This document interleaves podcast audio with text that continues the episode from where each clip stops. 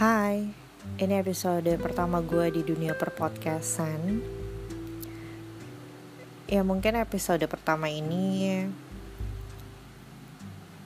Gue akan jelasin kenapa judulnya Baca Rita Karena ya memang gue suka banget cerita. Gue suka banget sharing.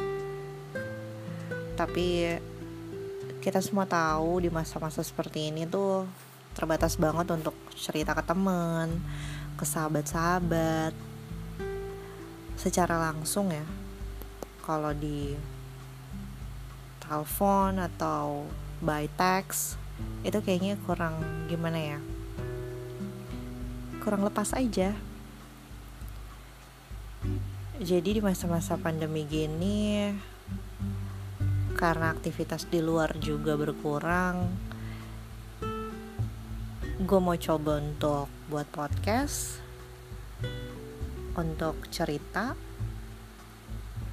Ya syukur-syukur kalau dari cerita gue atau dari sharingan gue ada manfaatnya buat kalian ya kan?